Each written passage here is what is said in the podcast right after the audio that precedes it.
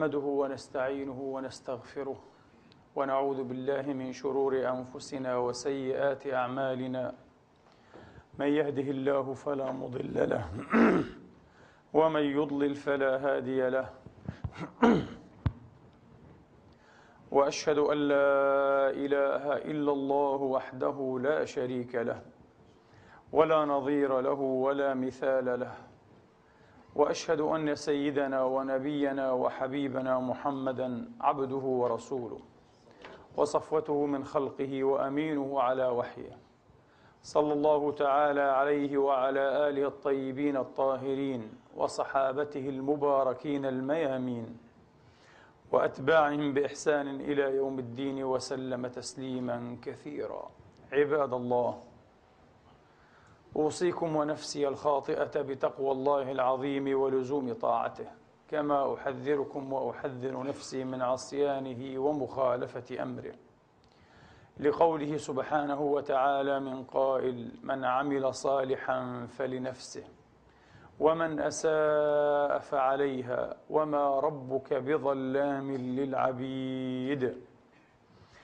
ثم أما بعد أيها الإخوة المسلمون الأحباب أيتها الأخوات المسلمات الفاضلات يقول الله سبحانه وتعالى من قائل في كتابه العظيم بعد أن أعوذ بالله من الشيطان الرجيم. بسم الله الرحمن الرحيم. فسبحان الله حين تمسون وحين تصبحون. وله الحمد في السماوات والأرض وعشيا وحين تظهرون. يخرج الحي من الميت ويخرج الميت من الحي. ويحيي الأرض بعد موتها وكذلك تخرجون. ومن آياته أن خلقكم من تراب ثم إذا ثم اذا أنتم بشر تنتشرون ومن اياته ان خلق لكم من انفسكم ازواجا أن خلق لكم من أنفسكم أزواجا لتسكنوا إليها وجعل بينكم مودة ورحمة إن في ذلك لآيات لقوم يتفكرون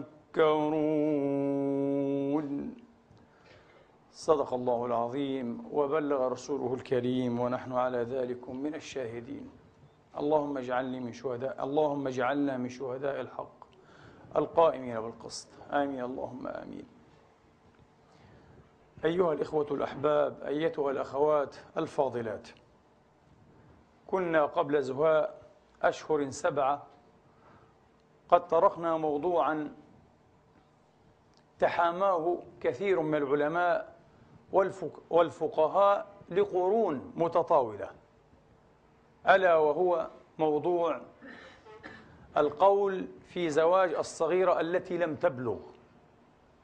وانتهينا فيه بفضل الله تبارك وتعالى إلى ترجيح مذهب غابر وقول دارس لاثنين أو لثلاثة من علماء الإسلام.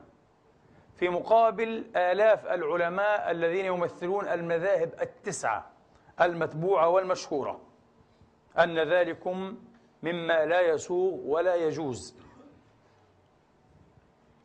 وشاء الله تبارك وتعالى أن يثار هذا الموضوع بعد ذلك في أكثر من عاصمة وفي أكثر من سقع عربي وإسلامي.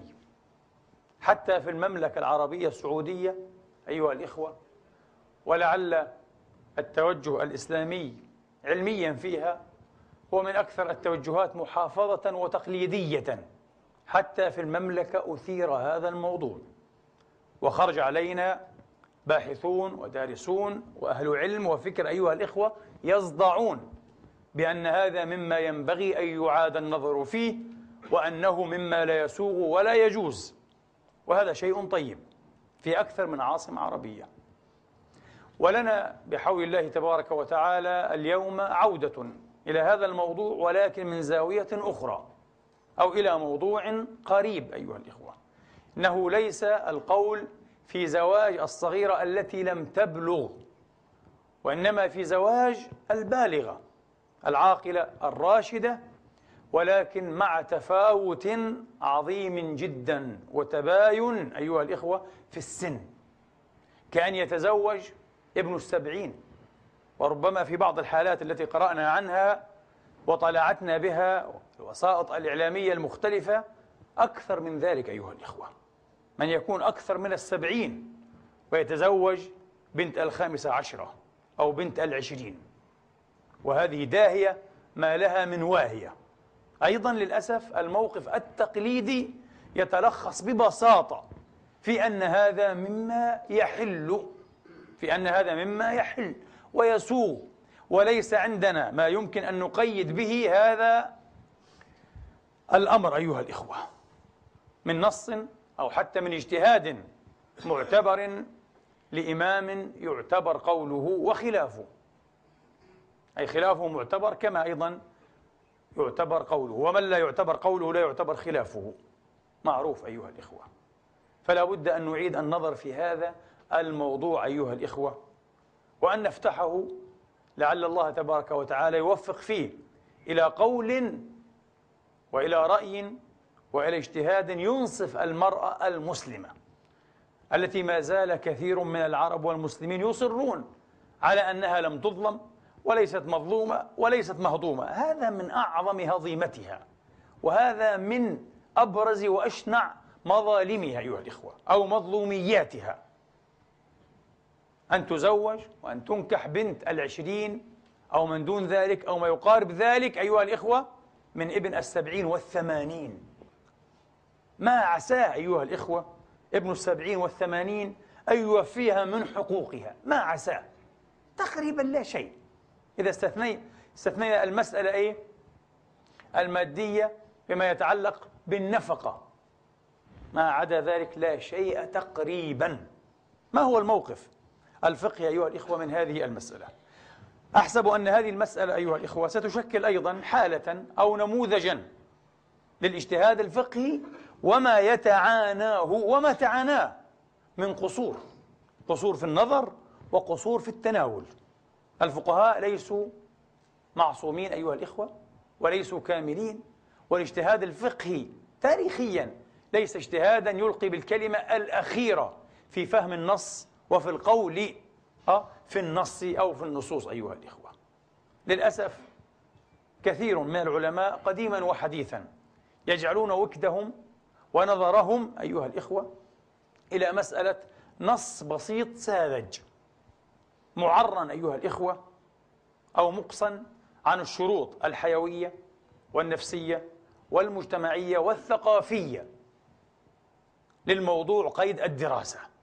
وما هكذا تورد يا سعد الإبل؟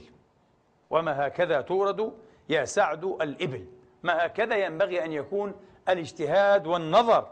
أيها الإخوة الهادف إلى استنباط أحكام أرحم وأرأف وأحكم شارع لا إله إلا هو. ما هكذا؟ طبعا بداهة أعتقد أنه بالبداهة أيها الإخوة يجد المرء مثقفا كان أم غير مثقف؟ عالما كان أم غير عالم؟ مسلما كان أم غير مسلم؟ أن هذا الأمر فيه ما ينكر وفيه ما يرد. أن تدفع بنت العشرين إلى ابن الثمانين أو التسعين؟ هذا أمر لا ينسلك في ذهن محترم. وفيه ظلم واضح وهضيمة عظيمة لهذه المسكينة وجناية عليها. وعليه أيضا وعلى الذرية إن كانت ذرية. جناية على أطراف ثلاثة. مثل هذه الزيجات جناية على أطراف ثلاثة. ما هو الموضوع العتيد الذي ينبغي أن تناقش أيها الإخوة فيه؟ هذه المسألة. إنه موضوع الكفاءة. الفقهاء للأسف درجوا على التفريط وعلى التساهل فلم يعدوا هذه المسألة أو هذا الموضوع من شروط أو من خصال الكفاءة. تكلموا عن الدين وهو حري بأن يتكلم بلا شك فيه. آه أي التدين. الدين بمعنى التدين. آه كصالحة لفاسق الفاسق ليس كفءا إيه؟ للصالحة. آه خلافا لمحمد بن الحسن. على كل آه تكلموا في الدين تكلموا في النسب تكلموا في الحرفة أيها الإخوة تكلموا في الحرية كما تكلموا في اليسار أو في الغنى الحنفية والحنابلة مثلا. تكلموا في هذه الشروط. واختلفوا بعد ذلك اختلافا يسيرا. هل خصال الكفاءة هاته أيها الإخوة تمثل شرط صحة لعقد النكاح أو شرط لزوم؟ أكثر متقدمي الحنابلة نظروا إليها على أنها تمثل شرط صحة بمعنى أنها إن تخلفت العقد باطل العقد فاسد. وهذا قول أيها الإخوة لم يدرج عليه معظم العلماء والجماهير حتى متأخرو الحنابلة تركوه. الصحيح وهو قول جماهير العلماء أن خصال الكفاءة أيها الإخوة تشكل شرط لزوم. معنى كونها شرط لزوم أن لمن له الحق أيها الإخوة أن يقف يعني يوقف بالعامية أن يقف العقد.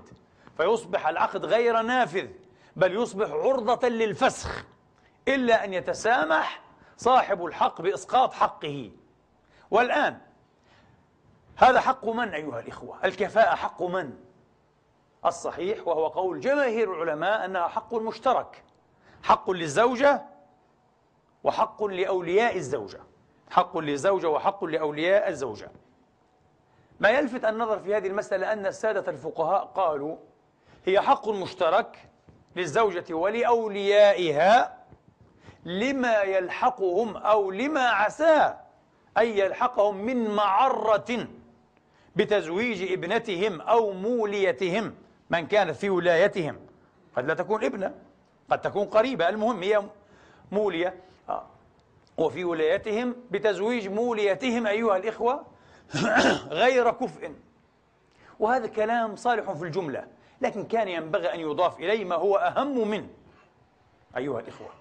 إنها حق أيضا للزوجة لحاظا أو اعتبارا لاستقرار الحياة حتى تستقر الحياة.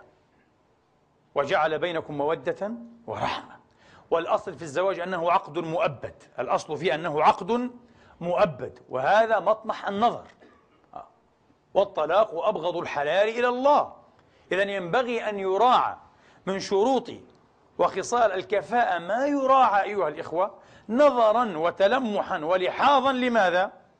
لاستقرار الحياة الزوجية وهناءة الطرفين وهناءة الطرفين فإذا أخذنا هذا بالاعتبار وينبغي أن يؤخذ أيها الإخوة بكل حال وجدنا بالبداهة هنا أو باستنباط يسير أن زوجة تتزوج من رجل لا يكافئها نسبا ولا يكافئها يسارا أو غنى لكنه يكافئها سنا.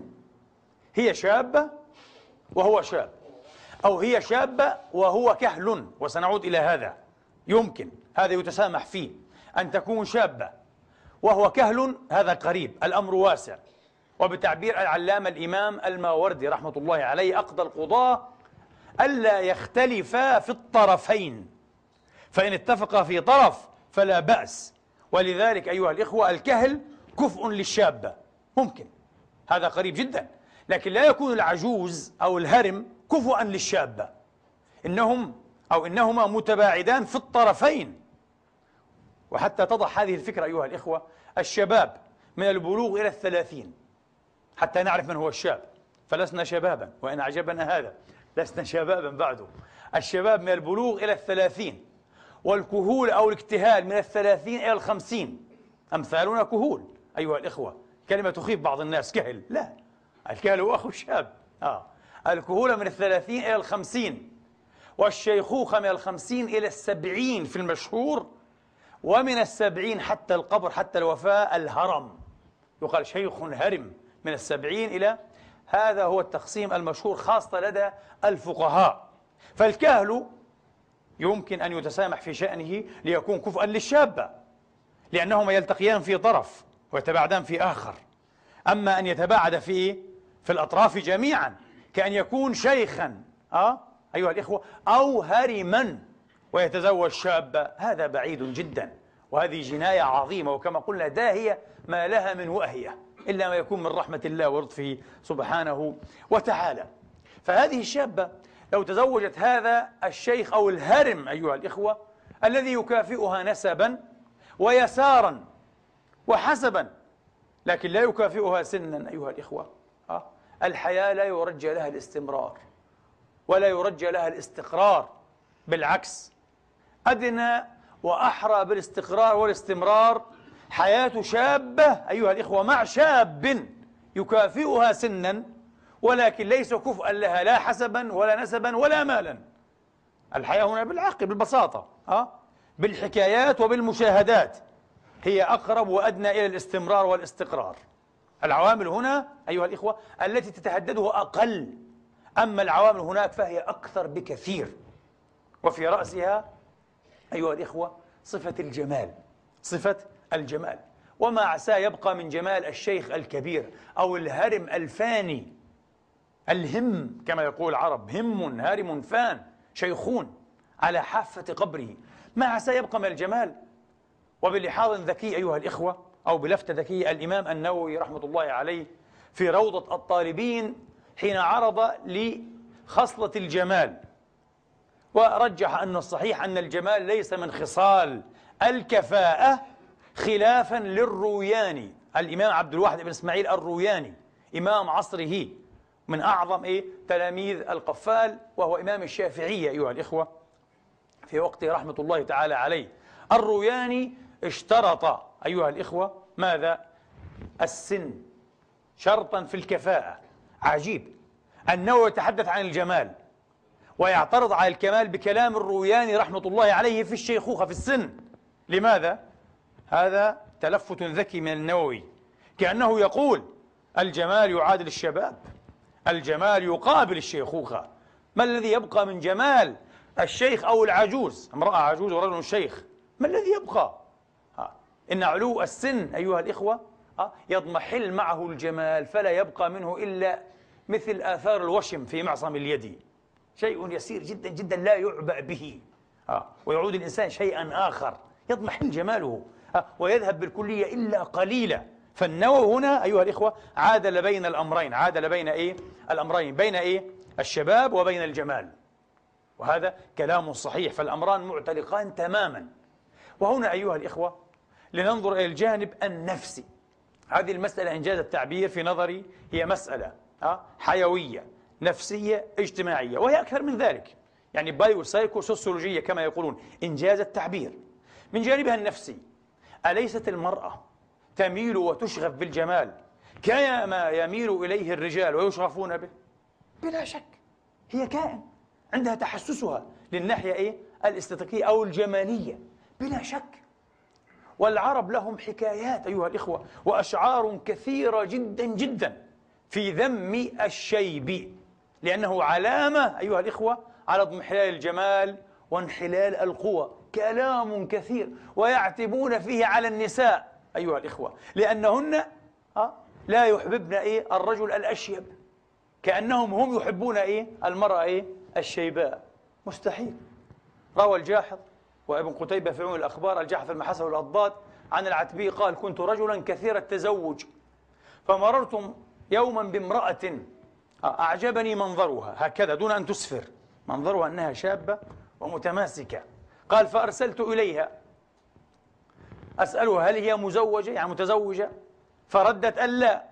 قال فصرت إليها ودللتها على نفسي وعرفتها بي وبمحلي يعني مقامي ورتبتي حيثيتي الاجتماعية وبمحلي. فقالت حسبك قد عرفناك غير أن هنا ما تحتمل. في شيء لابد إيش؟ أن تتحمله. قلت وما هو؟ قالت بياض يسير في مفرق رأسي. شوية في شيبات هنا. قال فثنيت عنان فرسي وانطلقت. فقالت عد أيها الرجل. آه شابة ذكية شابة. آه لم تتم العشرين كما قال الراوي نفسه صاحب الحكاية. لم تتم العشرين. لكن العرب كانوا أمة حكمة ليس كعرب اليوم انتبهوا. اليوم والله لا تجد عند زعماء العرب لو وضعتهم في قارورة جميعا أو في صندوق حكمة هذه الشابة الصغيرة. أمة تخبلت أيها الإخوة في زعمائها وقادتها على مستويات كثيرة. هذه ستسمعون العجب. أمة ذكية جدا الله أعلم حيث يجعل رسالته. هؤلاء هم الذين هم وأسلافهم الذين حملوا الدين وفقهوه وعرفوه. كانت أمة عظيمة كرم وعلم وحس وذكاء وشفافية وألمعية ولوذعية وعبقرية. أمة عجيبة كانت.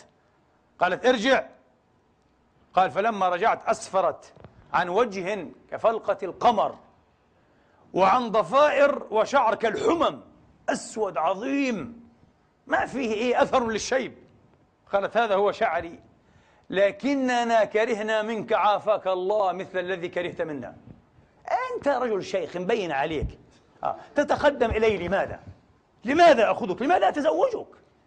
كما تحب أنت الشيء الشباب أنا أحب الشباب أيضا لا أحب شيخا كبيرا وعلى الرجل أن يفهم هذا أنا لا أدري أه؟ أيها الإخوة لما كان العرب يشتكون ولما لا يزال بعض الناس يشتكي اليوم من هذه الطباع السيئة في النساء وفي الغواني وفي الحسان إنها طباع الرجل أيضا. أتريد أن تعيش عمرك وعمر غيرك كما يقال؟ انتهى أنت عشت عمرك. اترك إيه ابنك وحفيدك أه؟ أن يعيش عمره أيضا. وأن يتمتع بشبابه مع شابة تليق به. تريد أن تأخذ كل شيء؟ هذا طمع وعدم نضج. أنا أعتبر أن هذا من عدم النضج الانفعالي من عدم النضج العقلي والنفسي. لكل دورة أيها الإخوة مقتضياتها النفسية والاجتماعية والثقافية انتهى. عش حياتك عش مرحلتك لا تتعدى. لكن هذه قرعته النبت بلطف. قالت ولكننا كرهنا منك عافاك الله. مثل الذي كرهت منا وأنشدت. عجيب. هل هذا لها؟ آه. أو تنشده الله أعلم. آه. قالت رأيت شيب الرجال من الغواني بموضع شيبهن من الرجال. شيب الرجال يعني عند الغواني عند الفتيات مكروه. تماما كما هو إيه؟ شيب الغواني مكروه عند الرجال. رأيت شيب الرجال من الغواني بموضع شيبهن من الرجال. حصيفة. يروي أهل الأخبار أيها الإخوة كأبي الفرج وأيضا ابن قتيبة وغيرهم أن الحارث بن سليل الأسدي سيد وزعيم ومقدم بني أسد في زمانه أيها الإخوة. الحارث بن سليل الأسدي أتى علقمة ابن خصف العبدي وخطب إليه ابنته الزباء وكانت فتاة فتية جميلة حسناء. فدخل على زوجه علقمة ابن خصف العبدي وقال لها أي فلان؟ إن الحارث ابن سليل سيد بني أسد حسبا وموضعا وبيتا.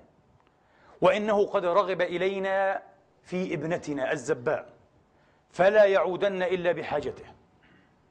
لا نريد أن إيه؟ أن نخيب هذا الرجل ولا أن نكسر إيه؟ خاطره ونخيب رجاءه فينا. فلا يعودن إلا بحاجته. هذا العرب. هذا في الجاهلية. عرب. فصاحة وحكمة وذكاء. وترك الأمر لمن؟ للأم. لأنه يعلم أنها أدنى إلى إيه؟ إلى إقناعها.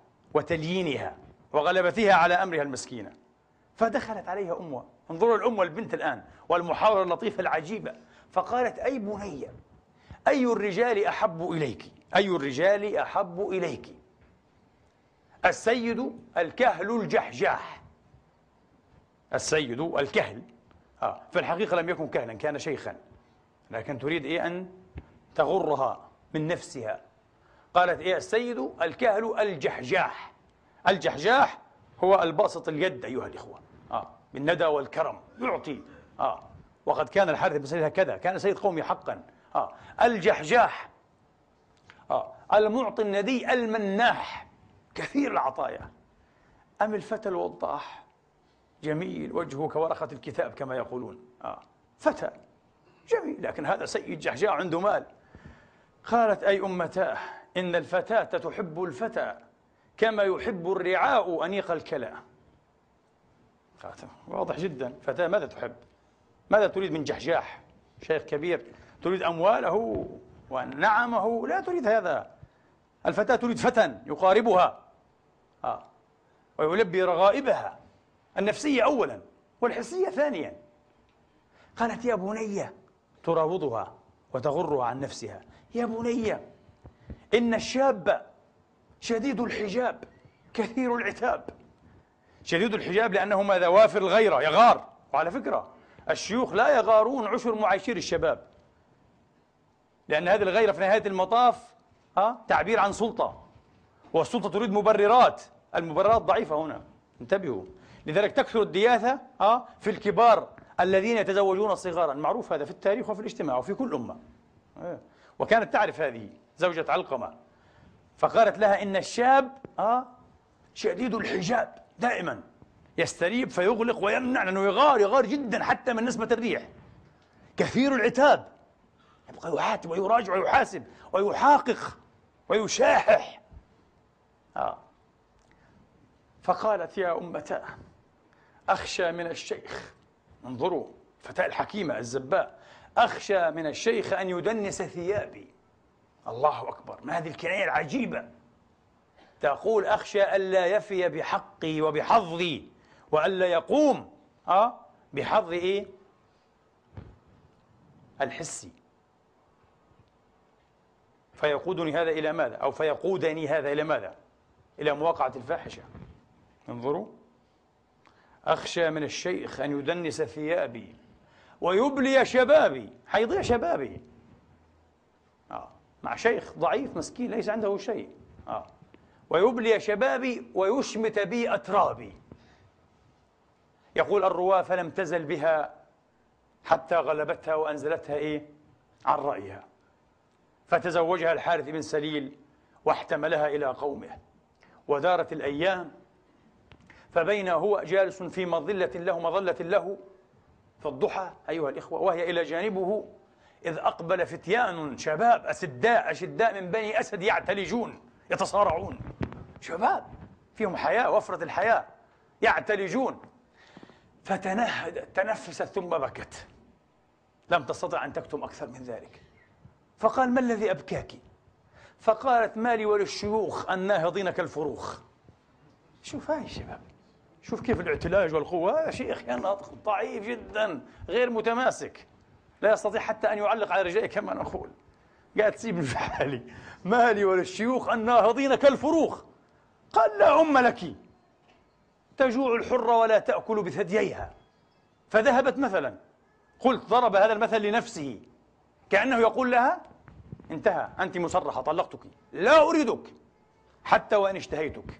حتى وإن تمنيتك. لأن الحرة وكذا الحرة الحرة تجوع ولا تأكل بثدييها لا تعمل ضئرا. ولم أرى أكثر أو كل من حقق الكتاب عرف توجيه هذا المثل في هذا الموضع. هذا هذا توجيهه. يقول لها إذا لا أريدك بعد. انتهى مباشرة. قال لا أم لك. هذه كرامة العربي. ليس كذاك الذي جاء يشكو من أنه تقريبا وقع على زوجه والعياذ بالله في حالة زرية جدا. ثم هو يبكي ويوسط الشفعاء لكي يعيدها إلى ذمته ما هذا؟ ما هذه الديوثية؟ هذا عربي وهذا عربي انتبهوا هذا عربي مسلم محمدي للأسف محمد بريء من هؤلاء الديوثين آه. وهذا عربي جاهلي من أجل كلمة قال لها تجوع الحرة ولا تأكل إيه بثدييها كم من غارة شهدتها وسبية أردفتها وخمرة شربتها. الحقي بأبيك لا حاجة لي بك يلا طلقها مباشرة. انتهى كل شيء. آه. لكن عرف. في هذا المعنى أيها الإخوة ما رواه الميداني والمفضل الضبي في أمثاله. عن فتاة أيضا شابة فتية تزوجت من شيخ كبير ضعيف. ابن سبعين خمسة وسبعين ثمانين سنة وشابة في العشرين من عمرها. تزوجت. فبين هي جالسة معه ذات يوم إذ أقبل شباب. جعلوا ينتعلون من قيام. الشاب طبعا بيلبس الحذاء وبيخلع الحذاء وهو واقف. جعلوا ينتعلون من قيام. فقالت حبذا المنتعلون من قيام. والله شيء حلو هذا. شوف ما شاء الله. هو لا يستطيع المسكين. بيجيبوا له كرسي وكذا وشوي شوي وبلبسوه رجليه والجرابين. انت ضعيف. فقالت حبذا المنتحلون من قيام. هذا لم يكن عنده كرامة الحارث ابن إيه؟ سليل الأسدي. قالوا أنا أنتعل من قيام. فقام المسكين لينتعل أكرمكم الله فطرت. فقالت من رام الباطل أنجح به. شوف حكيمة. من رام الباطل هذا باطل في حقك باطل. لا تستطيع أن تنتعل من قيام. أيامك ولت يا حبيبي انتهيت. ابن ثمانين سنة لا يستطيع أن ينتعل من قيام. آه. فقالت له من رام الباطل أنجح به. شوف الكلمة الحكيمة. فذهبت مثلا. إلى اليوم هذا مثل. من رام الباطل يعني لا تعالج. قال لك إذا إيه؟ إذا لم تستطع أمرا فدعه وجاوزه إلى ما تستطيع. لا تحاول ما لا تستطيع. انتهى هذا ليس آه يعني مما يناسبك ولا مما فالبنات بلا شك أيها الإخوة والفتيات يحببن إيه؟ يحببن إيه؟ المقاربة في السن بلا شك. أن يكون زوجها قريبا من سن على الأقل يتفقان إيه؟ في طرف كما قلنا. كأهل لشابة أو شاب لشابة يكون أحسن أيها الإخوة. وليس شيخ آه، أو هارما هما على حافة قبره لشابة صغيرة. هذا شيء عجيب جدا جدا. قال علقمة الفحل علقمة ابن عبدة المعروف بعلقمة الفحل مقابل علقمة الخصي. علقمة إيه؟ الخصي. قال فإن تسألوني عن النساء فإنني بصير بأدواء النساء طبيب. إذا قل مال المرء أو شاب شعره أه؟ فليس له في ودهن نصيب. يحببن ثراء المال حيث علمنه وشرخ الشباب عندهن حجيب. يحببن جدا يعجبوهن هذا معجب. آه. يعجب النساء جدا. ماذا؟ شرخ الشباب. أن يكون زوجها آه وأبو بكارتها وأبو أولادها أن يكون شابا. آه. هذا شيء عجيب كان. هذا شيء عفوا طبيعي معروف. قال أنا أعرف هذا. والكل يعرف هذا. في زمن الفاروق عمر رضي الله تعالى عنه وأرضاه أيها الإخوة والأخوات تزوج شيخ كبير فتاة صغيرة. ففاركت. أي كرهت. فاحتالت عليه ثم قتلت. طبعا. الصغيرة على الأقل إن كانت وفية وبنت ناس وأصول تعد على زوجها الشيخ أيامه. وقت إيش يموت ونتخلص منه. ونتحرر ونتزوج غيره. تعد أيامه. هذه الوفية. أنا أعرف قريبة لي. وكانت مضرب المثل في الجمال أيها الإخوة. رحمة الله عليها. ماتت في شبابها. آه. زوجها أبوها غفر الله له برجل في مثل سنه وهي مضرب المثل يتمناها هذا قبل سنوات بعيدة أه؟ يتمناها أي أي شاب أيها الإخوة.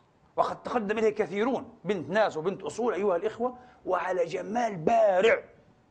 زوجها من شيخ في مثل سنه. زواجا هو أشبه بالشغار. آه. ليأخذ هو إيه لابنه آه من بناتهم. من غير مهر وهذا حرام. جهل. فظلت رحمة الله عليه. طبعا ماتت بأمراض. أصيبت بأمراض من الهم والحزن والكمد الدائم وكانت نعم المرأة لزوجها. الرجل دائما كان يحلف كما يقال بعمرها لكثرة وف وفرة برها. أيها الإخوة وتصرفها بكرم وأصالة معه بحسب أصلها وتربيتها. لكنها كانت مغمومة مكمودة ممرورة محزونة أبدا على نصيبها وخصمتها وتقول إن سامحت أبي في كل شيء لا أسامحه في هذا الشيء. طبعا يا أخي طبعا دمرها. لماذا؟ لماذا؟ لماذا تدفعه إلى شيخ كبير؟ وهي غير بائرة ولا مقبوحة ولا مذممة. جهل وظلم والعياذ بالله. وهذا لا يزال يحصل في بعض الأصقاع في عالمنا العربي والإسلامي والعياذ بالله. خاصة الأصقاع التقليدية فعلا الرجعية المتمسكة إيه؟ ببعض التقاليد. آه المخالفة للدين والعقل. حتى الأعراف المستحدثة. شيء عجيب. قالت لا أسامحه في هذا. ظلت تقول هذا. ماتت المسكينة وهي في حدود الأربعين فقط. ماتت بأمراض. آه. وزوجها عمر بعدها طويلة. هذا العجوز. ماتت. قصف عمرها من الهم والغم والكمد. آه. ولذلك أيها الإخوة هذه المرأة في زمان سيدنا عمر الخطاب رضي الله عليه قتلت زوجها. فبلغ الأمر عمر بن الخطاب فقام في الناس خطيبا مغضبا.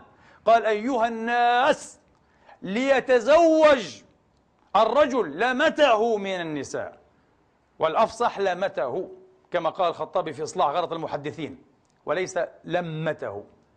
ليتزوج إيه؟ الرجل لمته من النساء. ما معنى لمته؟ التي تقاربه سنا. خذ من هي مثلك في السن لا تأخذ أي فتاة صغيرة وأنت أي شيخ كبير. آه. ولتنكح إيه؟ المرأة لمتها من الرجال. قال هذا هو السبب إذن التفاوت البعيد في السن. أحدث إيه مثل هذه النتيجة الفظيعة. أعجب من هذا ما ذكره إيه صاحب نثر الدر أن امرأة شابة تزوجت من شيخ ضعيف مسن متهدم. فلما أتاها ضمته إليها فكسرت أضلاعه. هذا حصل في خلافة الأمير علي بن أبي طالب عليه السلام وكرم الله وجهه. فرفع إيه أمرهما إلى الإمام علي عليه السلام. فقال يا لها من امرأة وصفها بكلمة آه أجلكم عن سماعها يا امرأة ثم جعل الدية على عاقلتها. على أقربائها يا العصبات يدفعون الدية. طيب أنت تزوجتني أنت قدها آه كسرته. آه. فضمته. ممكن تعمدت هذا. فكسرت أضلاعه. آه المسكين. آه. ويظن نفسه شابا وقويا ويستطيع أن يحصن النساء. قال أبو الفرج جمال الدين ابن الجوزي قال هذا مثل الفجر الكاذب. فكر حال عنده أخوك. يقول لك أنا أستطيع أتزوج. إيش تزوج؟ آه. مثل الفجر الكاذب. فجر كاذب ثم يعقبه ماذا؟ ظلام حالك. ينبلج عنه إيه؟ الفجر الصادق. هنا ما في انبلاج في قبر. آه. المهم لكن هذا مثل الفجر الكاذب. وهم كبير هذا وهم أنه يستطيع. كنت تستطيع أنت هذه الأيام. هذه طبيعة الدنيا. عش مرحلتك كما نقول ارضى بمرحلتك آه. وابحث عن متعتها فيها وبشروطها وموجباتها ومقتضياتها آه. الكلام كثير في هذا الباب أيها الإخوة. كلام والحكاية أكثر في القديم والحديث. المهم أيها الإخوة أحب بقي لدينا أقل من عشر دقائق. أحب فقط أن أقول الفقهاء لم يغيبوا أو لم يغب عنهم آه هذا الأمر بالكلية. لاحظوا لأنه مما ينبغي أن يلحظ هو يفقأ العينين الثنتين وليس الواحدة آه. لاحظوا تماما. ولم يخلوا كتبهم ومدوناتهم الموسعة المبسوطة أيها الإخوة ولا حتى ربما إيه الوجيزة من إشارات. لكن لم يذكروا على أنه شرط إيه؟ من شروط إيه؟ الكفاءة أو خصلة من خصالها. إنما ذكروه أيها الإخوة من باب الوصاة والنصح. يعني ينصحون إيه؟ الأولياء. لا تزوجوا بناتكم إلا إيه؟ إلا ممن يقاربهن سنا. من باب الوصية من شاء أخذ بها ومن لم يشاء إيه؟ أسخطها وتركها. وكان حريا بهم أن يتركوا هذا التفريط وهذا التساهل أيها الإخوة وأن يجعلوه ضمن خصال الكفاءة. لماذا؟ حتى تحرز إيه البنت أو المرأة إيه؟ حقوقها أيها الإخوة. نعم. حتى إن زوجها أبوها. آه. من رجل لا يكافئها سنا. التفاوت بعيد جدا. وقفت هي إيه العقد. قالت لا أنا لا أمضيه ورفعت الأمر القاضي فالقاضي ربما حكم بالفسخ. القاضي ربما حكم إيه؟ حكم بالفسخ أيها الإخوة. هذا من حقها. هذا الفرق بين وصية وبين أن تقول لي هو خصلة من خصال إيه؟ الكفاءة. نحن ندعو. هذا محصل خطبة اليوم. أن يكون هذا من خصال الكفاءة. معظم الفقهاء أكثر من 99% بكثير طبعا أه؟ تقريبا كل الفقهاء من القدماء باستثناء اثنين. أنا لم أقع إلا على اثنين. الإمام العلامة أه؟ الروياني رحمة الله تعالى عليه وأخذ القضاء الماوردي. الذي كان دون الروياني مع أنه سابق عليه بقليل في الزمن بقليل جدا. آه. كان دون الروياني صراحة. الروياني صرح أيها الإخوة باشتراط التكافؤ في السن. قال لابد أن يكون في مكافأة في السن. صرح بهذا رحمة الله تعالى عليه. صاحب الكتاب العجيب آه البحر آه. وهو بحر حقا رحمة الله عليه. لكن النووي قال الصحيح خلافه. لا. أما الإمام الشافعي الصغير الشهاب الرملي في نهاية المحتاج فقال رحمة الله عليه وهو ضعيف هذا القول ضعيف لكن ينبغي مراعاته متردد بين النصيحة وبين إيه؟ كما قلنا الحكم الفقهي لا نريد نصائح ووصايا نريد حكما فقهيا ملزما أه؟ حتى يمكن تقنينه بعد ذلك على فكرة الآن بعض القوانين في بعض البلاد وهي بلاد معدودة جدا أه؟ ربما لا تزيد على ثلاثة قننت لهذه المسألة نعم وصرحوا بأن التكافؤ في السن ينبغي أن يراعى وهو شرط خصلة من خصال الكفاءة. نحن مع هذا الرأي تماما أيها الإخوة. الإمام أخذ القضاء الماوردي رحمة الله تعالى رحمة واسعة قال إن لم يكن التفاوت إيه بعيدا إن لم يكن التفاوت إيه بعيدا. فقال لا يعتبر هذا خلاص. أما إن كان التفاوت بعيدا بحيث يختلفان في الطرفين على ما شرحت لكم فقولان قول يقول يعتبر وقول يقول غير معتبر لأسباب ذكرها الماوردي آه غير معتبر. وهي وهي تماما. المقام يضيق عن إيه؟ ذكرها وردها. وهي تم وغير علمية بالمرة. أسباب ثلاثة غير علمية بالمرة أيها الإخوة. آه. فهذا إيه؟ ما كان منهم. أما المعاصرون فقد وجدت أيضا عددا منزورا منهم صرحوا بأن هذا من خصال الكفاءة. في مقدمهم العلامة المرحوم والأصولي البارع. محمد مصطفى شلبي الأزهر المصري رحمة الله عليه في كتاب أحكام الأسرة قال في الأخير ينبغي أن يراعى هذا على أنه مما استجد به العرف وأوضاع المجتمع أيها الإخوة موضوع السن. قال والثقافة أيضا على أنه من خصال الكفاءة التي تتبع تغير إيه الأعراف كما أن أكثر ما اشترطوه لم يدل عليه نص من كتاب إيه وسنة صحيح صريح وإنما اتبعوا فيه ونزلوا على مقتضيات أعراف زمانهم وهذا كلام مستجود إلى الغاية. ومنهم أيضا العلامة الفقيه صاحب الفتاوى الذائعة والطائرة عطية صقر. توفي قبل سنتين رحمة الله عليه الأزهري العريق رحمة الله عليه في موسوعته المباركة الأسرة تحت ظلال الإسلام في ستة مجلدات. في المجلد الأول ذكر هذا على أنه خصلة من خصال الكفاءة وهكذا عنوان لها الكفاءة في السن. وهذا كلام طيب. وكتب الرجل زهاء ثلاث أو أربع صفحات في الموضوع رحمة الله عليه. وأخيرا هذا كل من وجدناه العلامة الشامي والفقيه الموسوعي محمد رواس قلعجي.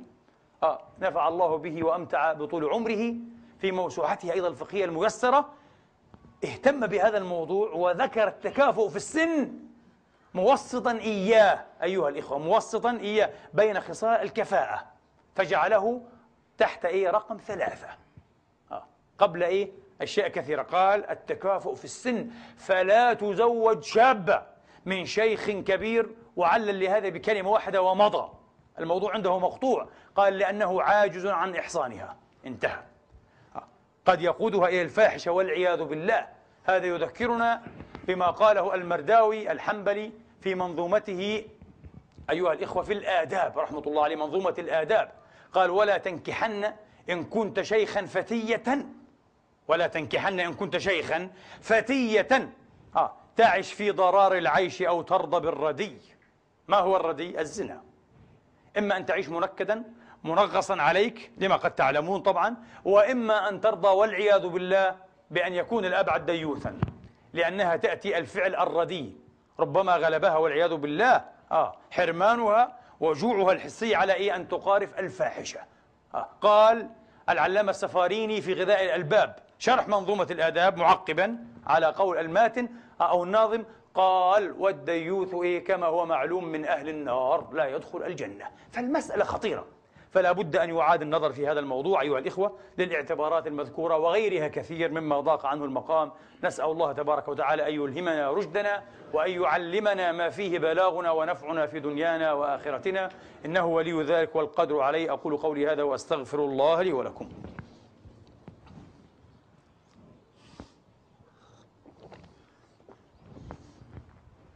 الحمد لله. الحمد لله الذي يقبل التوبة عن عباده ويعفو عن السيئات ويعلم ما تفعلون. ويستجيب الذين آمنوا وعملوا الصالحات ويزيدهم من فضله والكافرون لهم عذاب شديد. وأشهد أن لا إله إلا الله وحده لا شريك له. وأشهد أن محمدا عبده ورسوله صلى الله تعالى عليه وعلى آله وأصحابه وسلم تسليما كثيرا. أما بعد أيها الإخوة غدا إن شاء الله تبارك وتعالى أول أيام العشر.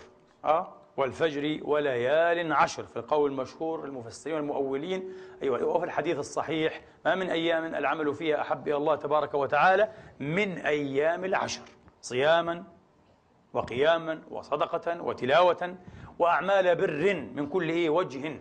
فنسأل الله أن يعيننا أيها الإخوة على أعمال البر وإتيانها والإزدلاف إلى حضرة الرحمن الرحيم بها إن شاء الله. أيها الإخوة يسعد الحاج أيها الإخوة ومن حل الحرم وما حوله في هذه اللحظات وفي هذه الأيام والليالي المباركات آه.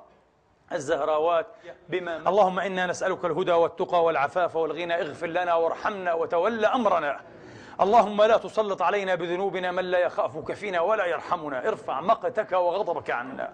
اللهم ارفع مقتك وغضبك عنا. اللهم ارفع مقتك وغضبك عنا. وانصر عبادك الصادقين الموحدين في كل مكان. يا رب العالمين. وأدل لهم من عدوهم. فإن ذلك لا يعجزك. عباد الله أقول قولي هذا.